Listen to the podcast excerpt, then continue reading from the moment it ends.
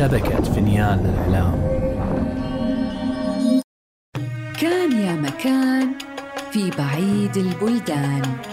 ملك يسهر ولا ينام إلا على قصص الإنس والجان. وبلغني أيضا أيها الملك السعيد أن نعمة الله قد تنكر كأحد الخادمات في قصر الخليفة وتبع القهرمانه التي عزمت أن تعيد شمله مع محبوبته نعم. ولكنه أخطأ في اتباع معلومات القهرمانه ودخل مقصورة غير التي كانت تنتظره نعم فيها.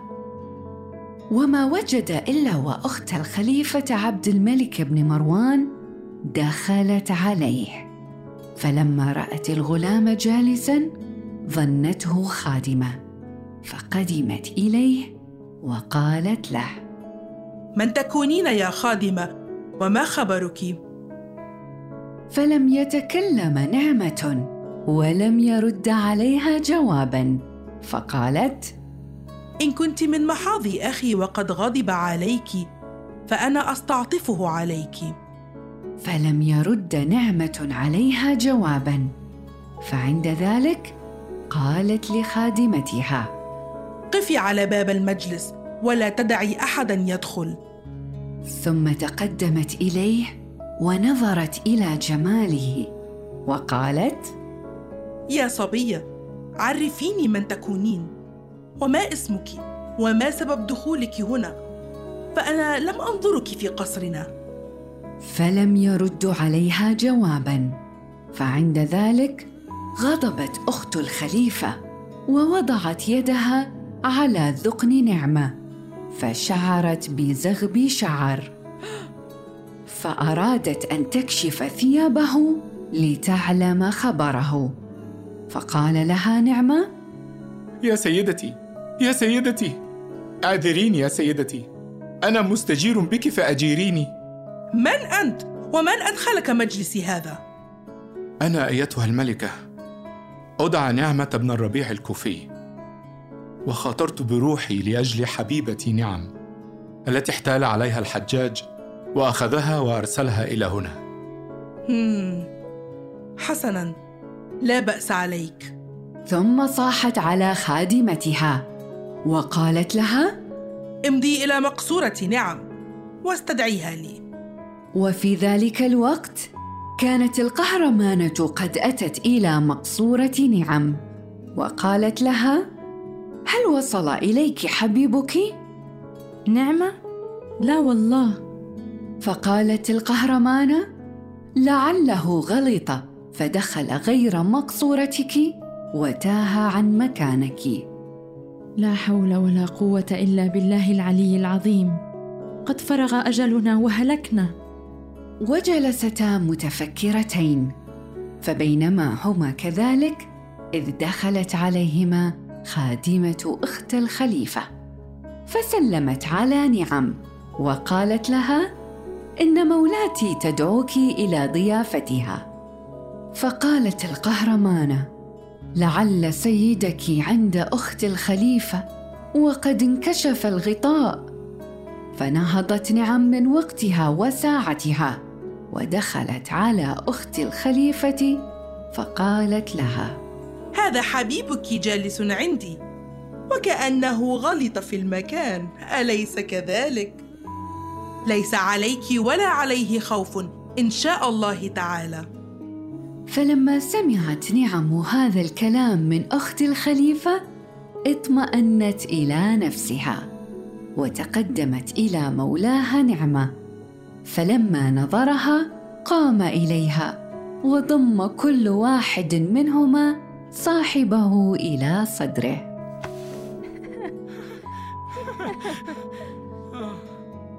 اجلسا حتى نتدبر في الخلاص من الأمر الذي وقعنا فيه. يا خادمة احضر الطعام والشراب. فأحضرت فأكلوا بحسب الكفاية. ثم جلسوا يشربون فدارت الأقداح وزالت عنهم الأتراح يا نعمة هل تحب نعم؟ يا سيدتي إن هواها هو الذي حملني على ما أنا فيه من المخاطرة بروحي وأنت يا نعم هل تحبين سيدك؟ يا سيدتي هواه هو الذي أذاب جسمي وغير حالي والله إنكما متحابان. فلا كان من يفرق بينكما. ففرحا بذلك وطلبت نعم عودا فأحضروه لها فأخذته وأصلحته وأطربت بالنغمات وأنشدت هذه الأبيات. ولما أبى الواشون إلا فراقنا وليس لهم عندي وعندك من ثاري. وشنوا على أسماعنا كل غارة وقلى حماتي عند ذاك وأنصاري. غزوتهم من مقلتيك وأدمعي ومن نفسي بالسيف والسيل والنار. غم وحزن في الفؤاد مقيم وجوى تردد في حشاي عظيم. ونحول جسمي قد تبدى ظاهرا فالجسم مني بالغرام سقيم. ولم يزالوا ينشدون الأشعار ويشربون على نغمات الأوتار. وهم في لذة وحبور وفرح وسرور. فبينما هم كذلك إذ دخل عليهم أمير المؤمنين. فلما نظروه قاموا. وقبلوا الأرض بين يديه فنظر إلى نعمه والعود معها فقال يا نعم الحمد لله الذي أذهب عنك البأس والوجع. ثم التفت إلى نعمه وهو ما زال متنكرا وقال يا أختي من هذه الخادمة التي في جانب نعم؟ يا أمير المؤمنين إن هذه الخادمة من المحاض أنيسة. لا تأكل نعم ولا تشرب إلا وهي معها. والله العظيم إنها مليحه وفي غد أخلي لها مجلسا بجانب مجلسها وأخرج لها الفرش والقماش وأنقل إليها جميع ما يصلح لها أكثر مما لنعم واستدعت أخت الخليفة بالمزيد من الطعام. فقدمته لأخيها فأكل وجلس معهم في تلك الحضرة ثم ملأ قدحا. ولم يزالوا في فرح وسرور إلى نصف الليل. ثم قالت أخت الخليفة اسمع يا أمير المؤمنين إني رأيت حكاية في الكتب عن بعض أرباب المراتب. وما تلك الحكاية؟ اعلم يا أمير المؤمنين أنه كان بمدينة الكوفة صبي يسمى نعم بن الربيع وكان له خادمة يحبها وكانت قد تربت معه في فراش واحد. فلما بلغا وتمكن حبهما من بعضهما رماهما الدهر بنكباته وجار عليهما الزمان بآفاته وحكم عليهما بالفراق. وتحيلت عليها الوشاة حتى خرجت من داره وأخذوها سرقة من مكانه. ثم إن سارقها باع خدماتها لبعض الملوك بعشرة آلاف دينار وكان عند الخادمه لسيدها من المحبة مثل ما عنده لها. ففارق أهله وداره وسافر في طلبها وتسبب باجتماعه بها أن النعمه لم يزل مفارقا لأهله ووطنه وخاطر بنفسه وبذل مهجته حتى توصل إلى اجتماعه بخادمته. وكان يقال لها نعم. فلما اجتمعا بها سرا لم يستقر بهما الجلوس حتى دخل عليهما الملك الذي كان استلم وكالتها من الذي سرقها. فعجل عليهما وأمر بقتلهما ولم ينصف من نفسه ولم يمهل عليه في حكمه. فما تقول يا أمير المؤمنين في قلة إنصاف هذا الملك؟ إن هذا شيء عجيب. فكان ينبغي لذلك الملك العفو عند المقدرة لأنه يجب عليه أن يحفظ ثلاثة أشياء. الأول أنهما متحبان. والثاني أنهما في منزله وتحت قبضته والثالث أن الملك ينبغي له العدل في الحكم بين الناس فكيف بالأمر الذي يتعلق به؟ فهذا الملك قد فعل فعلا لا يشبه فعل الملوك. يا أخي بحق ملك السماوات والأرض أن تأمر نعم بالغناء وتسمع ما تغني به. يا نعم غني لي. فأطربت بالنغمات وأنشدت هذه الأبيات. غدر الزمان ولم يزل غدارا. يسمي القلوب ويورث الأفكار. ويفرق الأحباب بعد تجمع. فترى الدموع على الخدود غزارا. وكنت وكان عيشي ناعما. والدهر يجمع شملنا مدرارا فلا أبكين دما ودمعا ساجما أسفا عليك لياليا ونهارا. فلما سمع أمير المؤمنين هذا الشعر طرب طربا عظيما وقال لله درك يا نعم ما أفصح لسانك وأوضح بيانك.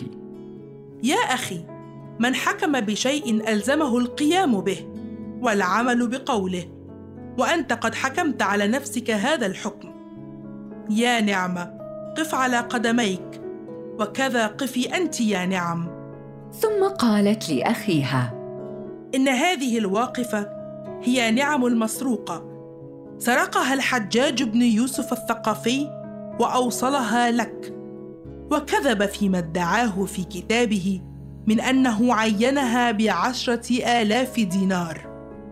وهذا الواقف هو نعمة بن الربيع سيدها. وأنا أسألك بحرمة آبائك الطاهرين أن تعفو عنهما وتهبهما لبعضهما لتغنم أجرهما فإنهما في قبضتك وقد أكلا من طعامك وشربا من شرابك وإن الشافعة فيهما المستوهبة دمهما. صدقت يا أختي. أنا حكمت بذلك وما أحكم بشيء وأرجع فيه. يا نعم هل هذا حبيبك؟ نعم يا أمير المؤمنين. لا بأس عليكما إذن فقد وهبتكما لبعضكما. يا نعمة وكيف عرفت مكانها؟ ومن وصف لك هذا المكان؟ يا أمير المؤمنين اسمع خبري. وأنصت إلى حديثي فوحق آبائك الطاهرين لا أكتم عنك شيئا. ثم حدثه بجميع ما كان من أمره وما فعله معه الحكيم العجمي وما فعلته القهرمانه وكيف دخلت به في الأبواب.